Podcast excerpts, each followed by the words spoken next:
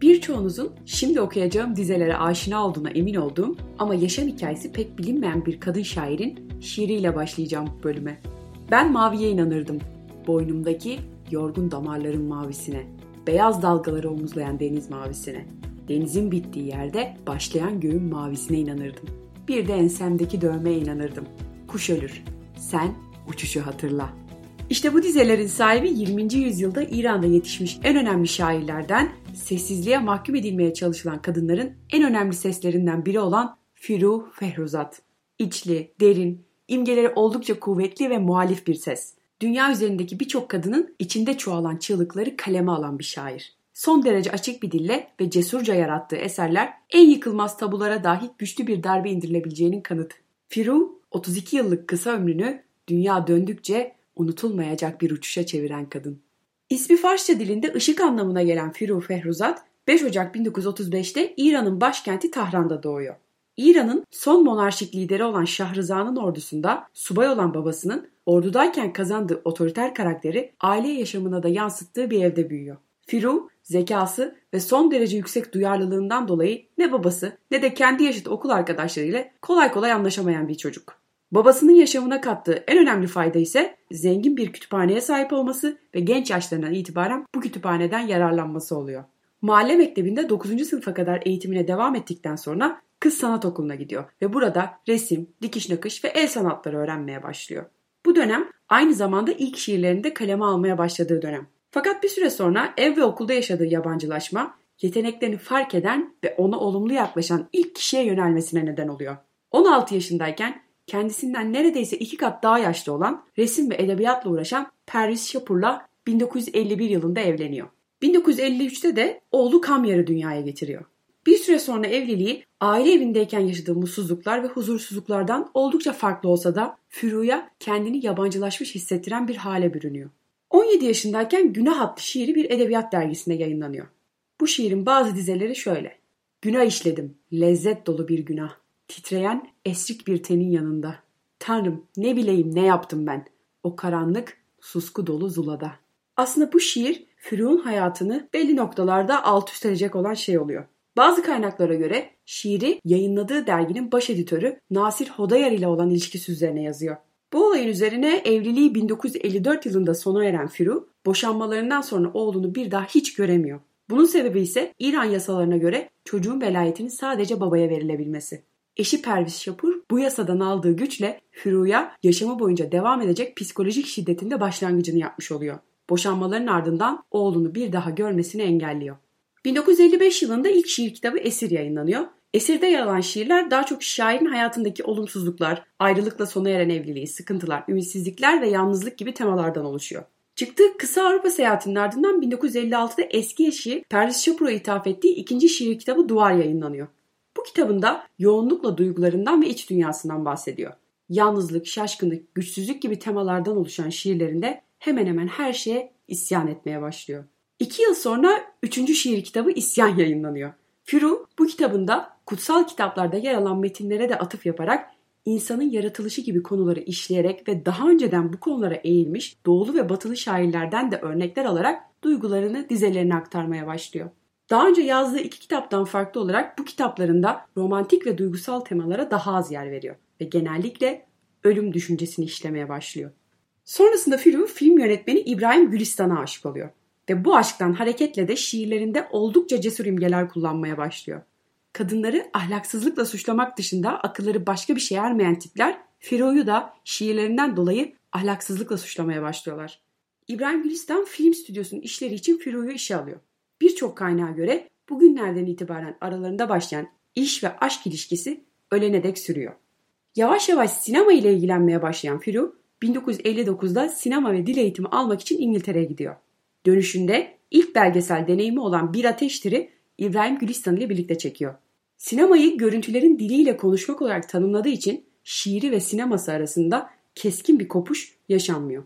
Sonrasında Firu İranlı cüzzam hastalarını ve onların sorunlarını ele aldığı Ev Karadır adlı bir belgesel film yapıyor.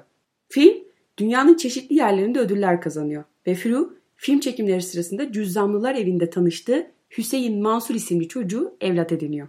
Hem Hüseyin'e olan sevgisini hem de oğlu Kamyar'a olan özlemini şu sözlerle dile getiriyor. Kamyar'ın düşünce ve tasası rahat bırakmıyordu. Beni öldürüyordu. Hüseyin geldiğinden beri daha huzurluyum. Aslında bazen onun yüzünde Kamyar'ı görüyorum. Ellerini tutup saçlarını okşarken Hüseyin mi Kamyar mı diye hiç düşünmüyorum. Farkı yok. Hissediyorum ki o oğlumdur. Şiirlerindeki olgunlaşma dönemi ise Yeniden Doğuş adlı kitabıyla geliyor. 1963 yılında yayınlanan bu kitap İran şiirinde derin ve etkileyici değişikliklere yol açıyor.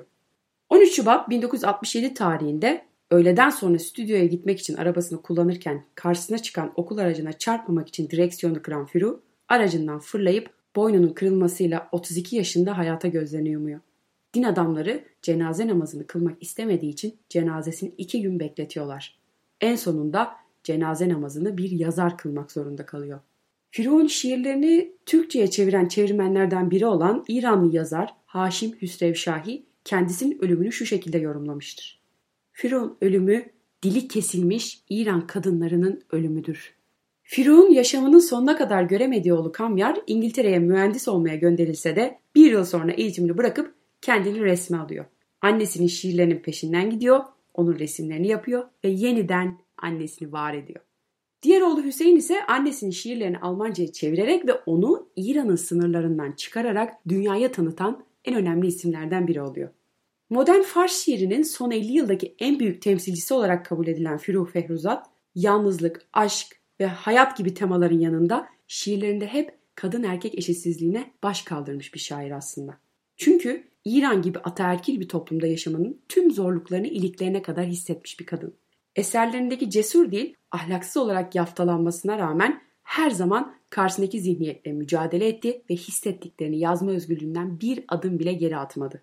Bazı değerlendirmelere göre kadın şairlerin sahip olduğu en önemli tabulardan birini de yıkmıştır. Erkek şairler sevgililerini, aşklarını ve cinsel yaşamlarını rahatça dillendirirken kadın şairler bu noktada hep çekincelik almışlardır. Firu ise bu noktada bir baş kaldırı sembolüdür. İnatla bastırılmaya çalışılan kadınlığını ve hislerini resmen aykırmıştır. Kendisi aynı zamanda ülkesinde kadınların daha fazla eşitsizlikle karşılaşmasına neden olacak bazı kanun ve geleneklerle yoğun bir mücadele içerisine girdi. 1954 yılındaki bir konuşmasında şöyle der. Benim arzum İranlı kadınların özgürlüğü ve onların erkeklerle eşit haklara sahip olmalarıdır. Ben bu ülkede bacılarımın uğradıkları haksızlıkları ve adaletsizlikleri, çektikleri sıkıntıları tamamıyla biliyorum. Bu yüzden eserlerimin yarısını onların sıkıntılarını dile getirmeye, problemlerini tasvir ederek gözler önüne sermeye ayırıyorum. Muhtemelen 27 yaşında kaleme almış olduğu şu yazısı da bir kadın olarak verdiği mücadeleyi en iyi anlatan cümlelerinden. Hayatımı kaybettiğimi hissediyorum ve 27 yaşında bilmem gereken şeyden çok azını biliyorum. Belki de sebebi hiçbir zaman parlak bir hayatımın olmayışındandır. 17 yaşında komik bir aşk ve evlilik gelecekteki hayatımın temellerini sarstı. Hayatta asla bir rehberim olmadı. Kimse beni fikren ve ruhen eğitmedi. Sahip olduğum şeyleri kendim elde ettim ve sahip olmadığım şeylere de sahip olabilirdim. Ama huysuzluklar, kendini bilmezlikler ve hayatın çıkmaz sokakları onlara ulaşmama izin vermedi. Ben bu cümlelere baktığımda birçok kadının hikayesini görüyorum aslında. Çocukluktan itibaren çok fazla bir şey öğrenmesi gerek görülmeyen, genç yaşında evlenip çocuk yaparak kendisinden başarması gereken tek şey beklenen, bunun beklendiğini gördükçe karşısına çıkan ilk erkeği kaçış olarak gören ve çoğu zaman mutsuzluğa mahkum olan kadınlar. Firu gibilerin çok önemli bir farkı var ama. Boyun eğmeyi reddetmeleri. Belli bir noktada varoluş amaçlarını bulmaları, kabullenmeleri ve bunun için mücadele etmeleri. Gerçi çoğu zaman bunu yaparken kimseye zararları olmasa dahi rahat bırakılmıyorlar. Firuh Fehruzat bu hissi de çok güzel anlatıyor. Ne tuhaf bir dünya. Kimsenin işine karışmıyorum. Kimseyi incitmiyorum ve her an kendimleyim. Böyle olunca herkes beni kurcalıyor. Firuh Fehruzat'ı ve eserlerini en iyi tanımlayacak dizeler de yine kendi şiirlerinden birinde yer alıyor.